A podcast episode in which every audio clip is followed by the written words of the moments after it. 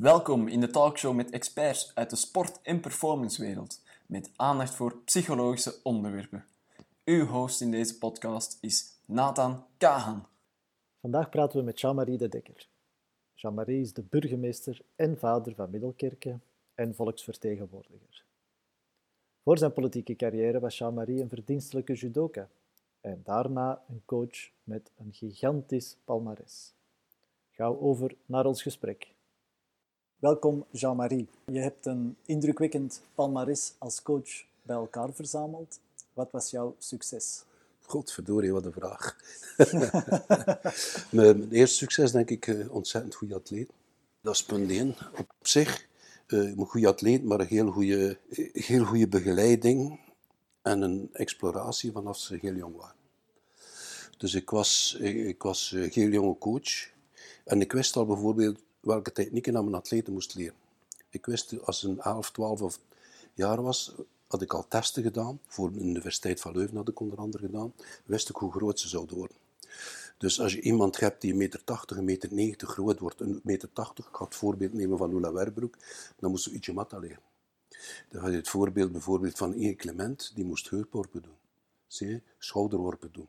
Dus het was een deels wetenschappelijk, wij waren ook al bezig met hoogtestage, allemaal in die tijd.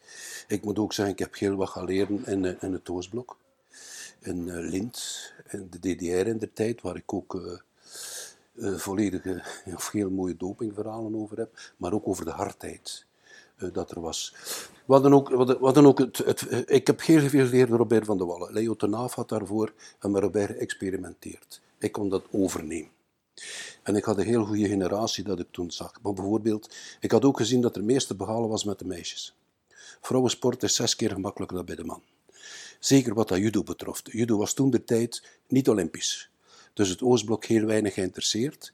Aziatische landen, vrouwen.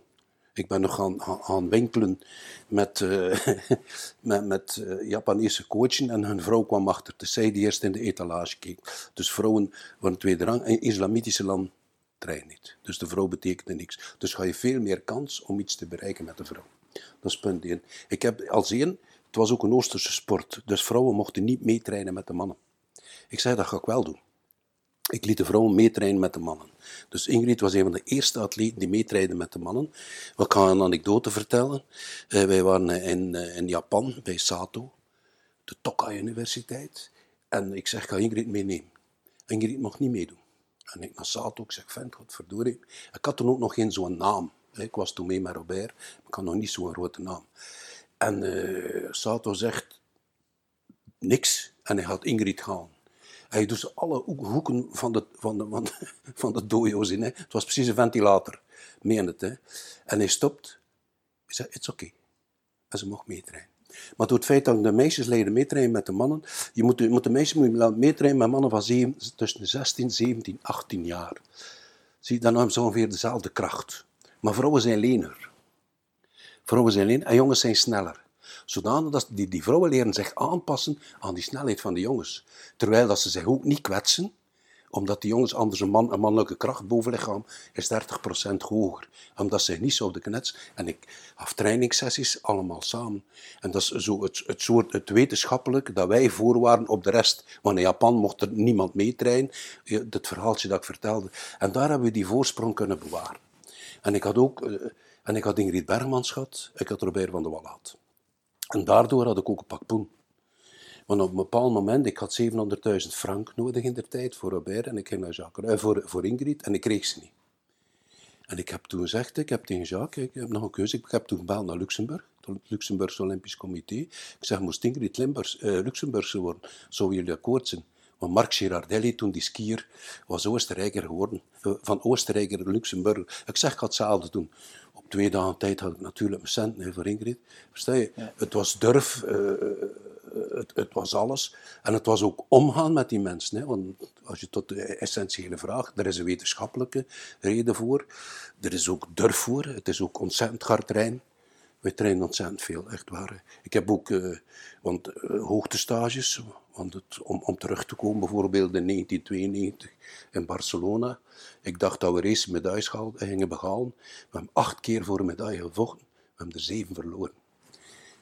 En dan heb ik ook ja, mezelf onderzocht. Uh, dan krijg je natuurlijk een post-Olympische depressie. Niet tegenstaan dat dat een, alle een fantastisch resultaat was. Zoveel, zoveel virdes, maar maar een derde. Ik ging altijd voor goud. Het was altijd goud dat telde. En toen heb ik tot de constatering gekomen dat we gemist hadden in de hoogtetraining. Dus we hadden iedereen... Ze zaten op de verkeerde dagen. Hè. Ja. Dus we hebben ook wetenschappelijk wel gemist. Maar ik denk dat het vooral... Uh, het lag niet alleen daar. Trainen ontzettend veel. Een talentrijke generatie, maar talent moest je ontdekken. En achter de rug van Ingrid en Robert had ik een heel goede jeugdploeg. Johan Laats, Harry van Barneveld kwam, Christel de Liège. Johan Laats, wereldkampioen bij de junioren in 1987. Uh, vroeger waren ze allemaal benauwd van de Japan, maar wij gingen ook naar Japan. Ik ging overal de wereld rond, wat dat de sterkste atleten waren. Moest de beste sparringpartner hebben. Kent dat Mohamed Ali? Je moet gaan waar dat ze beter zijn dan jou. Beste land bijvoorbeeld voor de vrouwen, dat was Cuba. Wij naar Cuba. Beste land voor de man was het Oostblok. Naar de DDR, naar Rusland, tot in Siberië toe, naar Podolsk en zo. We gingen Hans de wereld rond de sterkste tegenstanders gaan opzoeken. De sterkste sparringpartners. daardoor werden we veel sterker. Op mentaal vlak waren wij team. Excellent. Dus om tot dit team te behoren, moest je... En, en dat was een strijd. De, de elite, het is elitair. Topsport is elitair. Het klinkt allemaal een beetje fascistisch, maar is survival of the fittest. Maar ik had ook iedereen nodig. Zie, je hebt niet alleen die elite nodig. Om drie medailles te hebben op wereldniveau. Ik zeg, je hebt daarvoor... We hadden Hans uitgelegd, we hadden 30.000 judokas in België. Daarvan deden 3000 judo, volgens mij. Judo, hè. Dat wil zeggen dat ze konden vallen. 300 daarvan waren voor mij een stuk volwaardige judokas. 30 goed competitiewaardig, kon daar drie kampioenen uithalen. Dus moest je de rest ook blijven motiveren. En ik heb toen de, de, nationale trainingen uitgevonden. Dat was niet zoals in de voetbal. Dat was drie keer in de week. Dat was de Hanse zaterdag, dat was de woensdagavond. En die mensen trainden altijd samen. En die dertig uh, partners dat ik nodig had, werden ook beloond. Dus er waren overal toernooien. Ik stuurde hen naar toernooien. En de, de toppers gingen dan het Europees en het wereldkampioenschap. Maar ze behoorden tot die elite. Ze, we deden ook gezamenlijke zaken. Ik ging niet alleen... Eh, wij gingen skiën bijvoorbeeld. Ja? We gingen veertien dagen skiën. Maar hard trainen, zes uur trainen judo per dag en de rest skiën. Ze mochten één week uitgaan, de tweede week mochten ze niet meer op stap gaan. Zie, al, al dergelijke zaken, wij kweekten een elite. Wij kweekten een elite en als er dan niemand verloor, of achteraf kampioenschappen, ik sla het allemaal een beetje door elkaar, zo, maar achteraf feest, er moest samen een feest worden. Wie verloren had, moest verdriet verdrinken en wie gewonnen was, moest vieren. Maar altijd samen. Kostuumjes samen, ook een coach. Coach moest altijd in de kledij zijn van je atleten en zo. En ik leef daartussen. Ja, een soort enerzijds afstoten, anderzijds bij je vader, maar anderzijds moet je ontzettend veel meeleven. Hè? Dat kattenkwaad toelaten en dergelijke meer. En wij waren een groep, hè? men noemde onze secte op dat vlak, hè? want dat was de, bijna de bende van de dekker. En dat was ook zo. Het was ons tegen de rest. Het was ons tegen de rest van de wereld. Maar, maar we konden ook op tegen, de Fransen, tegen de Russen. Tegen, ja, we waren derde op het uh, Europees kampioen geweest per ploeg. Derde op het wereldkampioenschap geweest per ploeg. Ook per ploeg kwamen wij sterk uit. Maar iedereen moest tot, tot die elite behoren. Maar er was ook... Uh, ja, hij komt ook uit de, uit de loopsport. Leut en plezier moest er altijd zijn. Er staat altijd leut en plezier zijn. En het was heel hard. Maar ik, ik, kan, ik kan honderd anekdotes vertellen uh, van het plezier dat we gemaakt hebben. Ik herinner me stage, stage, we waren op stage. En uh, ik zeg, om, jongens, mag, mag vanavond een keer op stap? Ik zei, ja, oké, mag op stap. Dus, maar ik zei, om 12 uur gaat de deur dicht. Van het centrum, ik kan niet meer binnen. Ja, ik ga om 12 uur de deur sluiten, ze hebben de deur meegenomen. Zei, is toch schitterend? Dat, is toch schitterend? Dat, dat kun je me niet niet. En dan komen ze s'nachts om twee uur toe. Tuut, tuut, tuut, die deur zit achteraan in die koffer.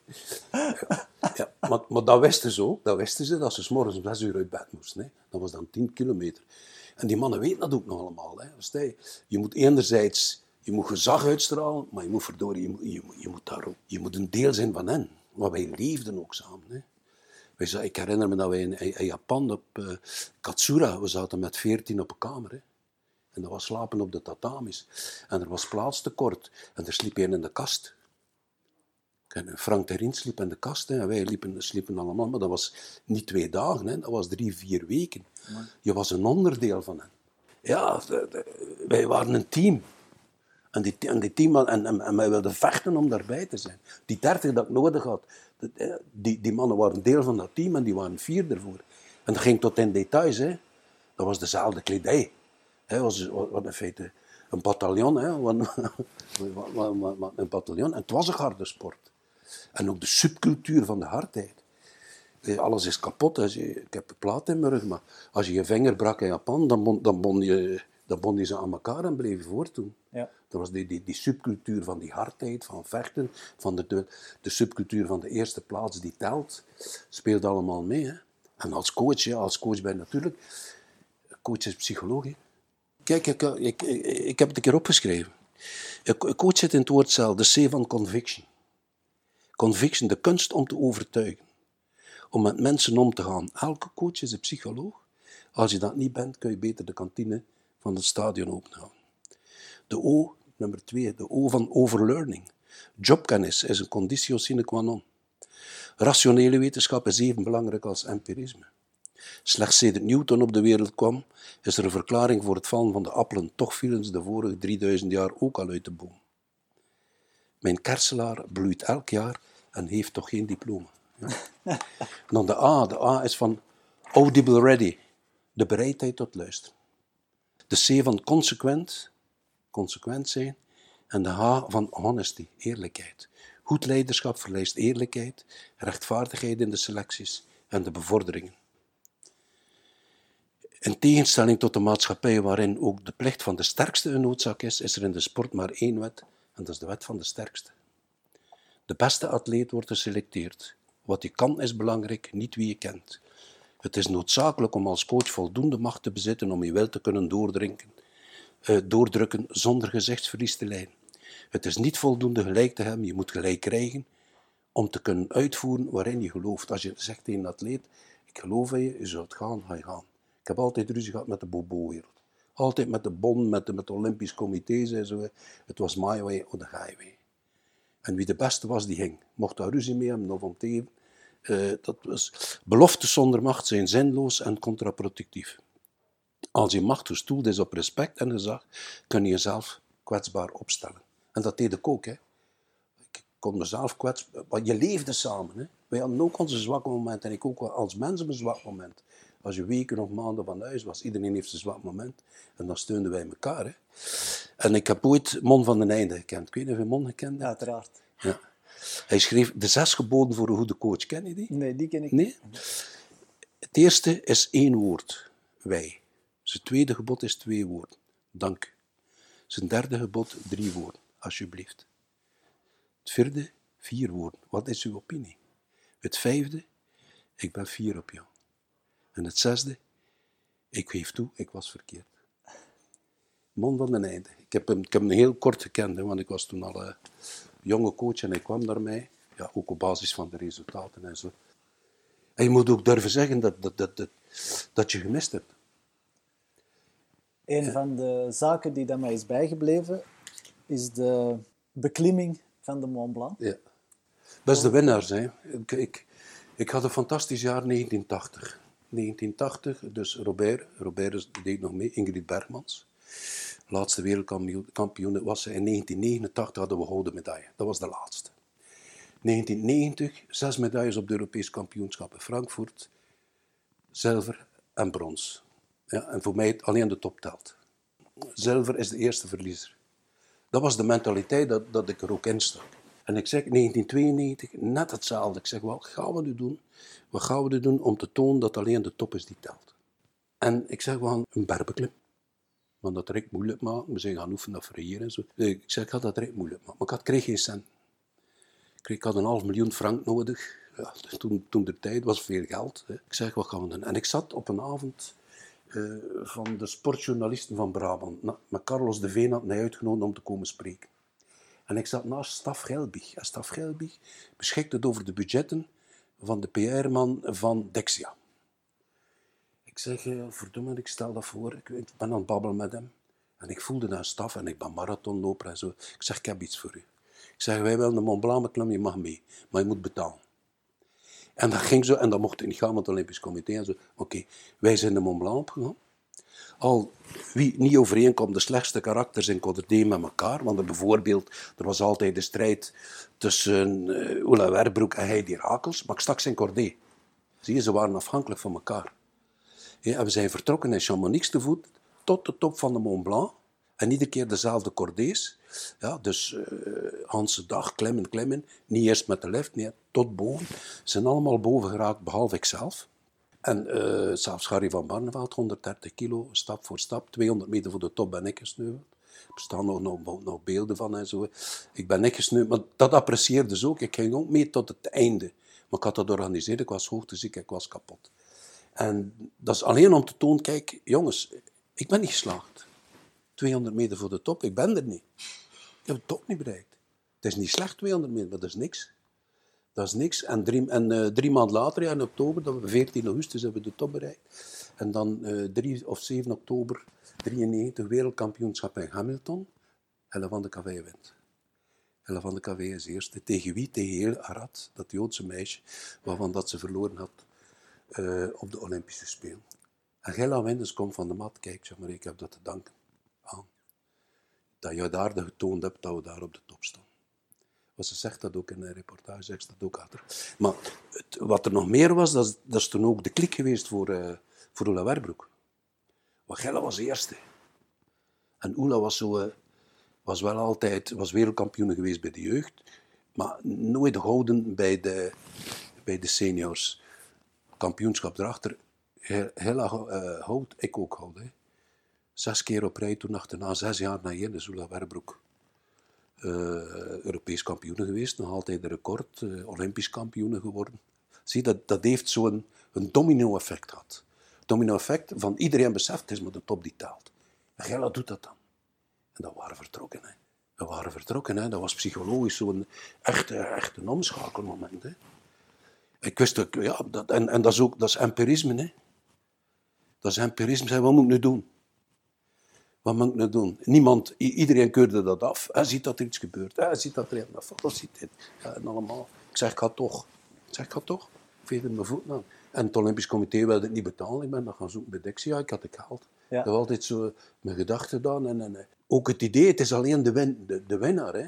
En dat is ook totaal on-Vlaams. Totaal on-Belgisch. Maar ik moest dat erin krijgen.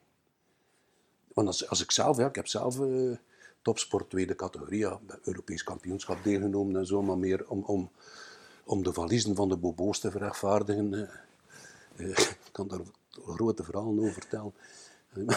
Als er maar zoveel atleten moeten maar zoveel eh, bobo's mee, dan pakken ze meer extra, extra atleten mee. Noem dat dus zo. Ik was daar niet kwaad. Ik was de tijd van Robert van der Wallen. Wij waren quantité negligible ten opzichte van Robert. Er is maar één atleet als erbij. Er leeft misschien nog één in Siberië, maar ze hebben hem nog niet gevonden. Dat was een fantastische... Ik had het ook allemaal geleerd, hè, dat afzien, dat doorgaan, dat, uh, mijn eigen frustratie. Hè. Ik heb ook dat psychologie geleerd door mijn eigen frustratie, door zelf quantité negligible te zijn, door die vernedering. Is ook een leerschool geweest voor mij. Verdomme, ik moet mijn atleten slaan en zalven. Moet ze slaan en zalven. Je moet kunnen, mijn mond van de einde zegt. Ik heb me vergist aan de andere kant, ik ben fier op u. Ja. Moet je kunnen. Hè. En, en ook, ik heb ook dikke fouten gemaakt. Hè. Ik, kon, ik kon niet tegen verlies door mijn eigen frustratie. Ik ben in feite coach geworden door frustratie. Door de manier waarop dat ze mij behandelden. Wij mochten mee. En dan kreeg je pak rammel. Hè. Dan pakte een Oost-Duitser die je vastpakte. Alles dat je kon bewegen waar, waar je ogen naar je oren. Ja, voor de rest stond die daar. Sta je. Maar, en, en uit die frustratie, ik zei, we gaan dat anders doen. Wij waren angst. Als, als we Japan er ons vast had, we deden alleen ons broek. Zeg, nee, we gaan dat allemaal veranderen. Zelfvertrouwen geven met de tijd. Hij kon ze maar zelfvertrouwen geven door naar hinder te gaan. Door naar het hol van de leeuw. Als je ja. wil leren voetballen, eh, de tikketak, dan ga je naar, ga je naar Barcelona, dan ga je naar Brazil. En dat was hetzelfde. En zo kon ik zelfvertrouwen geven aan mijn atleet, maar ik kon nooit tegen me verliezen. Je, je vergelijkt dat met Jekyll en Hyde? Ja, omdat je moet je enerzijds bij je vaderfiguur. U is nog altijd mijn dochter. Tot op vandaag. Ze is vorige week komen. Dat zegt dat kind kwam bij mij op 15 jaar. Dat is moeilijk uit te drukken. Ik noem dat mijn dochter, maar je moet ze ook kunnen doen afzien. Ik geloof niet in een relatie. Een, een, een coach die een relatie heeft met zijn atleten, is dood. Is dood. Want als iemand graag ziet, kun je geen afstand nemen, kun je niemand doen afzien. Dus ik had, was enerzijds mijn dochter, anderzijds, de, ik, ik kan de keren niet namen dat Oela geweend heeft op training. Ik kan de keren niet namen dat Ingrid Berman, zelfs mijn zuster, nog altijd, uh, niet namen dat, dat Ingrid niet geweend heeft op training. Ja, toen, uh, u, had haar arm een keer ontwricht en haar knie opereren en zo. Ik heb, ik heb ook veel gemist hoor, ik kan nog een paar anekdoten vertellen achteraf. Maar Oela moest iedere dag naar mij naar de kust komen. Ulla is de diesel. Ja, Ingrid kon ik trainen per fax. De fax bestond er nog. Ingrid woonde in Mechelen, ik woonde hier. Iedere dag aan de telefoon, dit doen, dit doen. En zij deed dat. Oela nee. Oela had veel te veel talent. Je moet altijd oppassen met atleten die heel jong veel talent hebben. Oela hief een rechte been op en heel de wereld struikelde erover. Ze was 17 jaar, ze was wereldkampioen bij de jeugd. En als je te veel talent hebt, is dat te gevaarlijk. Dat is zoals iemand die heel slim is en moet aan de universiteit moet beginnen werken. En zij heeft nooit de klik gemaakt om te werken. Op een bepaald moment. Ze heeft de klik gemaakt naar Barcelona. Ze heeft de klik gemaakt, ik heb dat verteld, met, uh, met Gilla van de Café. Hilla won. Zie, en zij was altijd gewoon van te winnen bij de jeugd. Maar de eerste test met Doula, ik had die vertellen, dat was een looptest. Ik had die nodig om programma's te maken, uithoudings- en weerstandsprogramma's, anaerobe uh, training en zo. En Doula moest van mij 800 meter lopen. Het Germenstadium in, in, in Oostende. En dan de 12 minuten test moest ook doen is nooit aangekomen. Maar die had zodanig veel talent, die woog altijd te veel. En dus moest hij dan de omslag maken. En ik pakte Oela bij mij. Iedere dag moest ze komen. En ze kwam en ze dronk een potje koffie. En we praten over alles en nou, maar ik moest erbij zijn. En we gingen naar het strand. En het liet ze net zoals de paarden en door het strand lopen, uh, tot aan de knieën in het water, vijf kilometer ver. En ze werd kampioen. Hè. Je, moet, je, moet, je mag ze niet vastpakken dan. Versta je? Mag, mag ze niet vastpakken. Je moet, je moet kunnen afstoten. Oké, meisje? Ik zie je graag als vader. ik, ik, kan je wel troosten als het nodig is. En troosten kan ik ook moeilijk. Want ik kan moeilijk troosten. Ja? Want ik weet dat psychologisch gevaarlijk is. Als je iemand te veel troost, conditioneer hem op verliezen. Ik vind verliezen moet pijn doen. Verliezen moet pijn. Als verliezen niet pijn meer doet, dan ben je geen topsporter. En ik krijg daar iets van, je hebt verloren en dan klop ik niet. Ik heb, ook, ik heb magistrale fouten gemaakt dat ik achteraf zei, nu heb ik overdreven. Maar ik was zelf zo kwaad.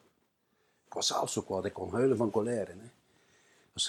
Oela had in Birmingham de finale verloren voor, uh, om wereldkampioen te worden tegen de Cubaans. Het was in feite de scheidsrechter. Uh, en ze kwam als tweede van de mat. En ik was kwaad. Ik was kwaad. Ik, ik kon ze niet troosten. En dat vond ik verkeerd, omdat ze ook onrechtmatig verloren. Maar zelfs dit, dit uh, vond ik niet, niet, niet erg genoeg. Ze moest verdomme gewonnen hebben. Maar ze hadden dat ook in zich. Zie je, dat was, dat was wel op menselijk vlak was dat heel hard. En, misschien, en, verkeerd. Ik vond dat wel toen verkeerd, omdat ze onrechtmatig verloren had. Want ze had toen dezelfde schijnsrechter, Hempel. Maar ik ik heb, ook veel te lang in die wereld gezeten. Hè. Dus ik heb gezegd dat ik wat opleiding had in Oost-Duitsland. En Heinz Hempel was toen trainer van de Oost-Duitsers. En we zaten in Lint, en in, in, de bossen was dat. En, en s'avonds, er was daar niet meer dan, dan, dan potten gaan pakken met die mannen. En ik had Gains heel goed leren kennen. En zijn zoon was scheidsrechter, internationaal scheidsrechter. En in 1995, in dat wereldkampioenschap, stond de finale van Ingrid. En hij gaf gewonnen aan Luna, de Cubaans. En in 1996 werd, uh, wint in de finale in Atlanta tegen Tanabe, de Olympische finale. Wie was de scheidsrechter? Gempel, de zoon dus van Heinz, dat ik toen gekend had. Zie je, en ik kom daarmee, kom daarmee zondags. Ik heb kunnen rechtzetten wat ik in 95 mis had. Versta je? Het is een kleine wereld, hè. Ik had toch gelijk, maar ik had ongelijk om toen Oela zo te behandelen. Ik had ongelijk om zo te behandelen, omdat ze onrechtvaardig verloren had. Had je dan voldoende krediet bij je atleten om, om dat te kunnen doen? Ja. Om, om, om zo'n, wat jij dan noemt, een fout te maken? Ik was een secteleider. Hè. Om, het, ging, het ging over alles. Het, het, het, was niet alleen sport, het was ook een maatschappelijk verhaal. Zie, ik zorgde dat ze centen hebben. Ik was de eerste. De Blozo-statuten zijn ontstaan door mij met Carla Galle. Ik ben begonnen in de federatie. Ik, ik, heb, ik heb voor Johan laatste Harry van Barneveld. Harry van Barne, ik zeg, jongens, als jullie willen doorbreken, is het professioneel zijn. Geen enkel statuut. Niks. Ik heb toen gezegd, kijk, maar gaan ze een soort zelfstandig statuut geven, betaald van de federatie. Na twee jaar de fiscus was gekomen. Johan, Johan Laas, ik vergeet het nooit, 109.000 euro boetes voor RSZ en eh, frank, frank, sorry. Boetes RSZ. Ik heb het allemaal personen betaald. Allemaal personen betaald, echt waar. En, en die jongens wisten. Ik, al wat dat zij moesten doen, was resultaat, man. En al de rest haalde ik ook van hun rug. Geen zorgen meer, geen centenzorgen meer. Jullie hebben zoveel inkomen. Bescherming, ook, ook bescherming, hè. Uh, financieel zorgde ik dat ze allemaal een contract hadden. Ik heb een contract gemaakt met Bakop, met, met iedereen. Premiestelsel uitgevonden. Dus Europees kampioen worden was 500.000 euro, uh, 500.000 frank. Wereldkampioen dan uh, een miljoen frank. Allemaal. Hè. Die kon, ik maakte dat allemaal buiten de federatie. Hè. Ik maakte die contracten ook. Ik liet die contracten maken rechtstreeks met hen. Nooit een halve procent op. Ik, ik vocht ook voor hen. Maar ik ga je iets vertellen over, over... Eh, Ingrid kreeg een premie van, van... Als ze wereldkampioen werd, kreeg ze 60.000 frank. Frank, hè. Dat is 1500 om wereldkampioen te worden. En Ingrid trainde met mij. En, en ik was ook een incontournabele, want ik had Ingrid onder mij. Robert minder. Robert was mijn leeftijd, want samen naar de nationale ploeg te staan. Ik moest zorgen voor Robert. Ja. Dat was alles, hij was, was zo vormd. En Ingrid uh, werd wereldkampioen in haar eigen klasse. En ze won de alle categorieën. Ja, en ze kreeg maar voor de twee 60.000 frank. Ja, maar zeg, ze heeft twee keer gewonnen, ze hebben de premie gehalveerd. Dat was de mentaliteit. Ja. En daardoor was ik ook gefrustreerd. Ik zei, ik moet voor die mensen, maar financieel voor die mensen zorgen. Ik, ik, heb, ik, ik heb voor Ingrid gezorgd financieel. Toen ze gestopt heeft, heeft ze villa kunnen kopen en het centrum zetten. Ik heb er allemaal voor gezorgd. Ik zeg dat niet uit pretentie, ga, ga het hen vragen. En nooit een euro, niks van commissie. Ik richtte ook zelf het Europees kampioenschap in. Hè. Ik zelf, hè. ik kocht de tv-rechten. Ik, kocht, ik zei, wij doen het kampioenschap. Dat geld ging in de pot, dat geld werd verdeeld. Allemaal. Dat is, dat is, dat, uh, ze hingen ook voor mij door het vuur gaan op dat vlak. Dus het, was, het was ook omgekeerd. Ik was bekkelhard. Moest ik vandaag trainer zijn. Dan zou mij het lot wachten van de kiefer en uh, kiefer dat ik bewonder als trainer, want als ze ze weghalen, wereldkampioenen maken bij de turn, chapeau. Je kunt er kritiek op hebben en psychologische begeleiding, uh, maar iedereen, ze moet nu een pamper onder zijn kont hebben. Ik heb nooit gepamperd. Hè. Ik vind dat je mensen moet bumperen. Ik vind niet dat je ze moet pamperen. Ja. Maar topsport is survival of the fittest en daar een prijs voor te betalen. Hè. Dat is nietje. Hè. Je kunt bereiken wat je wil, ja. voorwaar dat je prijs wilt betalen. Maar je moet ook eerlijk zijn. Maar was eerlijk met die mensen. Ik, ik, ik zorgde voor hen op alle vlakken. Ze hadden geen zorgen. Alleen het vliegtuig opstappen, gaan trein, leuten maken. Ook bescherming. Ook bescherming. Hè, want uh, je was nooit in Valencia. En dat waren heel jonge mannen toen nog. Rudy Fruitier, de Smagle. En ze hadden een padmedaille. Ze hadden een juniorstoernooi in Valencia. Mogen we op stap maar ik zeg ja. Ik kon niet mee. Eh, Sevilla was het. was Valencia, dus Sevilla. En ik had mijn kleine mee, want ik zeg, uh, Dimitri, mijn kleinste, die ook judo dit maar een klein manneke. Uh, anders, al, alles wat ik deed, ging, Hans Beleven ging op aan judo. Ik ging niet op vakantie, of het was een trainingskamp en mijn vrouw kon mee aan de kinderen. En de kleine was mee, ik zei nee, maar ik ga niet mee. Maar nog een keer gaan bolman en ding. S'nachts om twee uur aan mijn bel. Ik trek mijn deur op.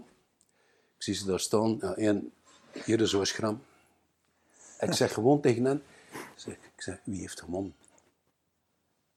Gewoon, wie heeft gewonnen? En, want die mannen waren verschrikt, de Guardia Civil stond er, weet ik al. Ik zei, wie heeft gewonnen? Ik zei, en nu in je bed en morgen de uitleggen. Dus ze zaten in een crisissituatie, maar dat moest ook redden. Zie je, dat was niks. Had, ik dat moeten overlaten aan de federatie en aan die bobo's, was dat een enorme problematiek. Nee, ze hadden zich te buiten gegaan. Na kampioenschap, gefeest. Ze hadden nog voor een paar meisjes, of weet ik veel. Ik zei, we gaan dat oplossen. Ja, ze hadden gewonnen. Ze hadden gewonnen. Ze hadden gewonnen. Ik zou even willen terugkomen, Jean-Marie, op het feit dat je zegt dat je na Barcelona aan uh, introspectie, ja. zelfreflectie hebt gedaan. Hoe, hoe heb je dat gedaan? Het uh, was hard. Ik had, ik, had, ik had in feite uh, een post-Olympische depressie. Maar ik had toen een goede vriend bij het Olympisch Comité, dat was Edith Smet. Uh, ik heb hem veel te zacht gevonden. Maar aan de andere kant, hij heeft er ook voor gezorgd dat ik toen professioneel... Ik was nog in de bank. En ik had, bijna geen leven meer. Ik was directeur van de, van de bank, ik had ontzettend veel werk. Ik zei, ik moet nu keuzes maken. want Ik had er een assistent bij gevraagd, ik had hem toen gekregen, Alexander Jaskevich, die ook een heel groot deel van mijn succes was. En nu volledig in de schaduw staat. Maar, eh, maar een groot deel van mijn succes. En als, als het team, eh, eh, als een individu verliest, is het zijn schuld. Als het team net naast de medaille valt, is het mijn schuld. Dan scheelt er iets. En dan moet je dat gaan onderzoeken. Dat is niet gemakkelijk. Ten eerste, ik had veel meer verdriet, denk ik, dan al mijn atleten samen op dit moment. Want dat is iets. Zeven op acht kanten verliezen voor een medaille. Hè. Dan ben je bij een medaille, dat verlies je allemaal. En vertrekken, nou, een paar die toch als favoriet vertrokken worden. Hoe die haar rechtsgeband afgescheurd had. Op dit moment en allemaal. En dan, dan, ja, dan ga je nadenken, dan ga je in een dipje. Dat moet ik wel zeggen. Dan wil je niemand zien, niemand horen. Geen kranten lezen. Ik heb dat geleerd aan Robert van de Wallen. Robert zegt, hangt dat in het wc, dat is vanmorgen. Dat is juist. Hij trok ooit de krant uit de hand van Philip Laats. Philip had verloren, pakt de krant, frommelt dat. Ik zeg, moet dat niet uh, je, je, sluit je op in je cocoon, gedurende een paar maanden, en dan zeggen we gaan er terug tegenaan. En dan je ontleden omdat je niet in staat bent om ja. eerst de schuld bij jezelf te leggen. En heb je dat dan samen met Eddie gedaan? Of hoe heb je die, die reflectie... Ja, dat wel. Dat wel. Toen met Eddie zei, was zit het... Uh, kijk, uh, als je zo afstandelijk blijft, als je, als, je, als je niet altijd mee kan op training of zo. Uh, Jaske is er toen bijgekomen, dat ik allemaal vraag. Ik heb, ik heb hulp nodig. Ik, jullie moeten tegemoet komen op basis van financieel vlak, zodat ik uit de bank kan gaan. Ik heb toen een consultingbureau opgericht. Totaal apart. Dat gaat me de gelegenheid geven om professioneler te gaan werken. En dat was ook zo. Dat was ook zo. Maar ook uh, op, op, theoretisch vlak, ook gaan bijscholen. Hè. Waar hebben wij gemist? We gaan dat ontleden. We gaan meer testen. al dergelijke zaken. Hè. Ja. Trainingsschema's veranderd. Ja. Ook, ook, veel meer geld gekregen van die, want wij waren, wij waren het topteam. Ja, ik zei, we willen naar daar op stage, we gaan dit doen, maar dat, doen, allemaal, dat is allemaal toen, toen verloren. Maar ik was altijd, ik herinner me nog, Ingrid verloor toen, Ingrid Wermans verloor in 1980, het was in Servië denk ik. Wereldkampioenschap. En, ze, en ze verloor, ik ben gaan huilen onder de tribune. Als coach, meende ik, kon dat, ik kon niet die... Niet, niet dat ik niet tegen mijn verlies kan, maar ik win zo graag.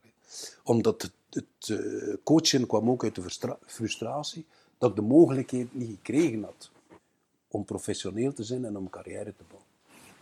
Hoe ging je specifiek te werk op die mentale aspecten van je atleten? Je zei er straks bijvoorbeeld, ik heb ze naar eh, Japan gestuurd, of we zijn naar Japan gegaan om het vertrouwen stilletjes aan op te bouwen. Welke technieken heb je nog toegepast? Maar er ja. Die atleet moet dat zelf ontdekken. Je moet hem de kans geven. Je, je kunt erop inpraten. Het is ook niet allemaal succes geweest. Ja, Japan was ook een overlevingsstage. En, en, en ik heb jongens gehad die gebroken zijn. Zie je, als je, als je Ginter zat, ik had... Uh, een van die gebroeders erin. En die kon geen taal, kon alleen Nederlands. Dus de eenzaamheid, als je, als je daarin gaat, de eenzaamheid heeft hem gebroken. Om op, op stap, we gingen naar de Ginza, we naar Harajuku, kon een beetje Engels, je kon weg. En ik kon alleen Nederlands. Dus intellectueel kon hij daar niet bij. Hij is gebroken. Was tweede op het Europees kampioenschap bij de jongeren. Maar ik, kon dat leven niet aan. Je kunt je begeleiden wat dat je wil je kunt dat overdragen, maar ze moeten ook dat rijpingsproces meedragen. En ze kunnen een stuk meegaan in de groep, maar tenslotte is het ook, ook altijd een stuk individueel. En, en, en eh, ja, er zijn ook jongens gebroken, hè. Door dat ook uh, toegeven, hè. Die, ook, die ook dat ritme niet konden volgen, die ook die hardheid niet konden volgen. Was je er dan nog hen, voor hen nog nadien? veel, ik heb ook veel, veel voor hen achterna gezocht. Ik ben ook heel fier dat quasi iedereen die gestopt is, quasi iedereen is aan de bak gekomen. Ja. Ik ben naar Carla Hallede geweest voor Oela. Carla heeft dat allemaal in orde gedaan. Ingrid is aan de bak gekomen. Ik heb ze toen 14 miljoen frank gegeven. De tijd allemaal mee verzameld, sponsoring, allemaal in een pot. Gestopt. Allemaal. De jongens in het leger gestoken. Harry van Barneveld heeft zijn lagere school gedaan. Harry heeft zijn lagere school was een Nederlander. Hij wist het zelf niet. Ik naar het wereldkampioenschap 87 in Rome. Ik zeg, Harry, je paspoort. Hij had er geen, hij ging. Zijn vader was een Nederlander. En zijn, stiefvader ging mee met circus. Hij zegt, dat echt. En Harry, ik zeg, ik heb toen Harry eh, genaturaliseerd. En als Harry stopte, hij zou graag bij de politie gaan, kon niet bij de politie. Ik heb een oplossing gezocht. Hij is toen in Brussel bij de politie kunnen beginnen als schulpagent, omdat ze in Brussel geen diploma vereiste was. En nu is ze mijn inspecteur in Oostende. Ik heb voor allemaal, ik ben daar ook fier op. Ik ben daar ook fier op. Dat ik allemaal, eh, ik heb nog altijd, Robert woont hier niet ver vanaf, nog altijd contact. Ik heb, omdat, omdat ik wilde dat ze ook maatschappelijk slaagden. En, en ze hadden ook, eh, ja, ze- ze- zolang dat ze judo deden, hadden ze een inkomen. Ja. En ik heb ook eh, altijd uitgekeken dat ze achteraf eh mee kon. Coachcarrière, rond het jaar 2000, heb je dan een, eh, ben je dan een andere weg inge- ingegaan. Heb je voor een, eh, een ander domein gekozen, eh, de politiek. En wat ik daar interessant in vind, dat is, omdat dat dan toch weer ter- terug met de sport te vergelijken is, daarin heb je, zeg je zelf, een, een zeer moeilijke periode gehad toen dat je verdreven bent, zoals dat je dat noemt, en, en een bloedbad hebt meegemaakt door, door ja, eh, van de NVA weg, weggestoten te worden. Ehm, je beschrijft dat ook heel mooi met, met de toespraken. En, eh, en eh, de laatste twee toespraken waren dan van Bart en Geert, die dat plots ineens van, van strategie veranderden. Ehm, je hebt daar een geweldige dreun van gekregen. Dat lijkt mij wel veerkracht te zijn dat je daar bent uitgekomen. Hoe, hoe heb je dat Dat is de gedaan? moeilijkste periode in mijn leven geweest. Hoe heb je die veerkracht kunnen tonen? Eh, afsluiten. Afsluiten. Net na 92, maar is niet zo erg.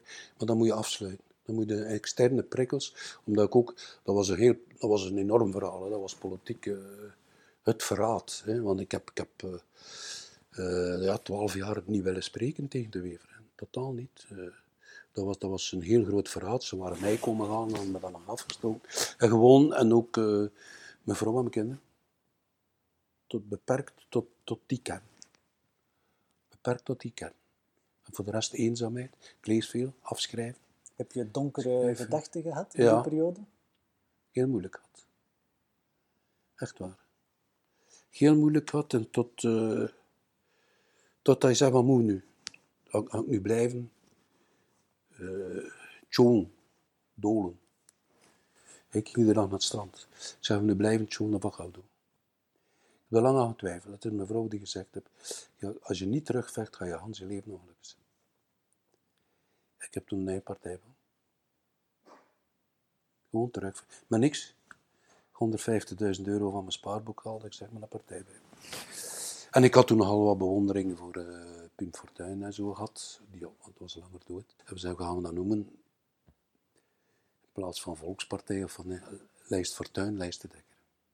En zo zijn we er tegenaan. En dan terug, zoals ik begonnen ben in de judo, met eh, een trapladdertje gaan spreken op de markten. eh, in een café spreekbeurten gaan geven. En, eh, ja. Ik had het voordeel van, ik was geslachtofferd. En dat is de ideale positie in Vlaanderen. Het is hard voor jezelf, maar ze hadden me pijn gedaan. En de bevolking aanvaarde dit als onrechtvaardig. Want ik herinner me nog dat ik op Zulte Waregem was ik uitgenodigd. Ik kom binnen in het stadion. Hans, eh, Hans Stadion begint te zingen Jean-Marie, Jean-Marie, Jean-Marie. En ja, daar krijg je dan een boost van. Ja, dat, dat de gewone mensen... Je, je sluit je op omdat je een beetje schaamte hebt. Hè. Ik was doorgestuurd. Hè. Ik was al een keer doorgestuurd geweest. Eh, die bobo's, oké. Ik was doorgestuurd bij de Open VLD. Dat was in, in oktober gebeurd. Eh, twee dagen na de verkiezing. Had ze eerst gewonnen en geholpen.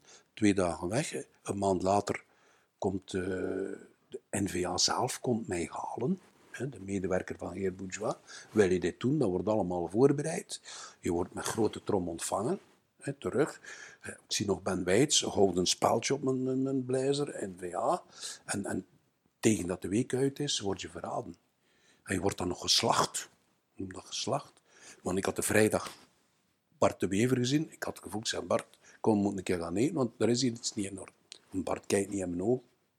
Ik zei, nee, nee, geen probleem. Kom morgen maar af. Morgen voormiddag is er partijbestuur, kom maar af. partijbestuur mag er al niet bij zijn. Dus namiddags is er partijraad. Op die grote partijraad mocht daar een klein woordje zijn, dan mag er niet bij zijn. En ik zit met Ben, ben Weits in een café te wachten tot die partijraad gedaan is, drie, vier uur. En uh, Ben Weits iedere keer belt, ja, het is allemaal, iedereen spreekt voor u. Maar Ben Weits wist dat allemaal, hè, dat was vooraf. En op het einde begint, uh, komt uh, Bourgeois tegen mij pleiten en komt de Wever tegen mij pleiten.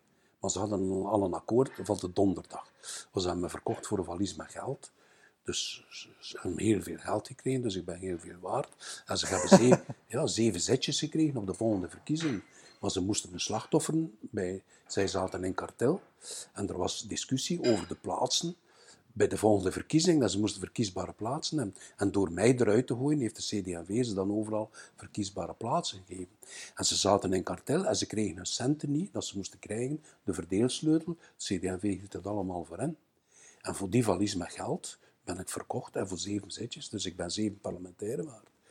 Maar op zich vond ik dat niet zo erg. Had Bart gewoon gezegd tegen mij de vrijdag, Jean-Marie, kijk, dat is gebeurd. Nee, ze zochten dan nou het publiek forum. Zanderdaags moest ik dan nog een keer publiek geslacht worden, omdat ze zo gezegd gelijk hadden. Ik werd niet aanvaard door de partijraad, wat compleet niet waar was. Want er waren uh, eh, 50 sprekers en er waren er 42 voor mij. Maar Hans het scenario, en, en daar was ik al kapot van. Ja. Dat was twee keer op een maand. Uh, en er was nog iets ergers gebeurd. Uh, ik ga je dat vertellen. met de, de en hetzelfde jaar had ik een verkeerde diagnose gehad dat ik ook terminaal kanker had. Ik heb drie, drie weken geleefd dat ik terminaal kanker had. Wow. Ja. Ik ben naar de verkiezingen gegaan, de gemeenteraadsverkiezingen in 2006, als terminaal kankerpatiënt. Zeg de beurt. Ik was verlamd, ik zat in Spanje, ik was verlamd. Mijn ruggengraat. Uh, ik kon niet bewegen, dat is echt. En ik kom thuis, met toen valium, met mijn ingespoten, ik ben thuisgekomen en ze nemen een scan scan van mijn ruggengraat. Er zitten twee zwarte plekken op. En die zwarte plekken, dat is metastase van een kanker. Het was niet juist, mijn wervels waren niet geklapt. Bloedwervels van judo te doen. En, en daardoor was ik verlamd geweest. Maar ik heb dat drie, drie weken mee rondgelopen. Dus allemaal dit, de verkiezingen doen ze nog winnen en dan twee dagen later buiten bij de Open VLD, waar ik in principe niks van maak, want de Open VLD dat was voor mij in het verhaal. Maar dan komen alle bij de NVA en dan nog gebeurd. Dat waren drie elementen op, op, drie, vier maanden tijd. En dat was wel, dat was wel hard, hard, heel hard de nood te knappen. Ja. Dat was hard. En dan moet je afsluiten. Dan moet je zorgen dat je, omdat je ook, je bent de speel, uh, speelbal. Hè. Want er waren er ook politiek die daarvoor waren, politiek er tegen. Ik heb nog die artikels bewaard in de standaard. Ah, dat is goede zaak dat de NVA dat doet. De dekker ruzie maken, kennen Hans het circus. En dan moet je gaan afsluiten. Want als je je zelfbeeld laat afhangen van een ander op dit moment, dan ga je kapot. En voor jou betekende dat dan terugtrekken tot uw familie ja. ja. en afleiding? Cocoon, ja. ja. Ja, cocoon. Volledig. Ja. Volledig. En lezen en doen en uh, afschrijven kan niet anders. Want als je de tv omdraait, uh, het gaat over jou, praatprogramma's, nazever, moet je stoppen. Hè. En dat heeft toch, uh, dat is gebeurd uh, 9 december tot, tot half januari. Ja. Half januari. Ik heb toen een partij opgericht, 27 januari. Ja. Maar ho, de mensen die naast je staan, mevrouw en zo, die doen wel. die doen wel. Maar je, moet, je, moet, je wordt ook. Je wordt ook benaderd aan alle kanten. Hè er zijn ook, oh Jean-Marie, we gaan dit, we gaan dat. Uh, maar ik, ik had drie zware avonturen meegemaakt. Hè, En toen zei ik, ga stoppen. Maar het is mijn vrouw die zei, als, als jij stopt met de nederlaag vindt, never. Ik ga nooit met jou, uh, je moet het geprobeerd hebben. Als jij het niet geprobeerd hebt, dan, dan zal hij Hans je leven daarmee zijn. Nu, waarom benoem je dat als een nederlaag? Dat is een nederlaag. Maar geen electoraal? Nee, nee, electoraal dan niet, maar ik noem een echtscheiding ook een nederlaag. Ik vind dat een nederlaag. Je hebt de belofte gemaakt om je leven samen. Het is een nederlaag. Hè. ik, ik, heb die situatie verloren. al hangt het niet van jezelf. Of, of, nee, je hebt die zaken niet onder okay, controle. Maar, maar, je hebt het verloren. Je bent buiten geschot. Een falen. Ja. ja. Jean-Marie heeft gefaald. Ja. Voor mezelf ook, hè. Voor mezelf. Terug vertrouwen had in de verkeerde mensen. Terug, eh, ik heb dat niet doorzien. Ik heb dat niet... eh, dat was, dat was eh bikkelen hard. Ja. En kan je dan die periode vergelijken met wat je dan bijvoorbeeld na, na Barcelona hebt meegemaakt? Terug een reflectie, terug introspectie, terug... Ja, maar na Barcelona veel minder. Zie je, omdat de, de, de, het persoonlijk, want er was daar ook al een heel proces. Het buiten, de defenestratie bij de Open VLD, er was er ook al een proces aan vooraf gegaan. Ook een proces van verraad. Zie je, want op het moment, ik, ik, ik was verlamd in Spanje. Ik was verlamd in Spanje, kon, kon, kon, kon niet bewegen.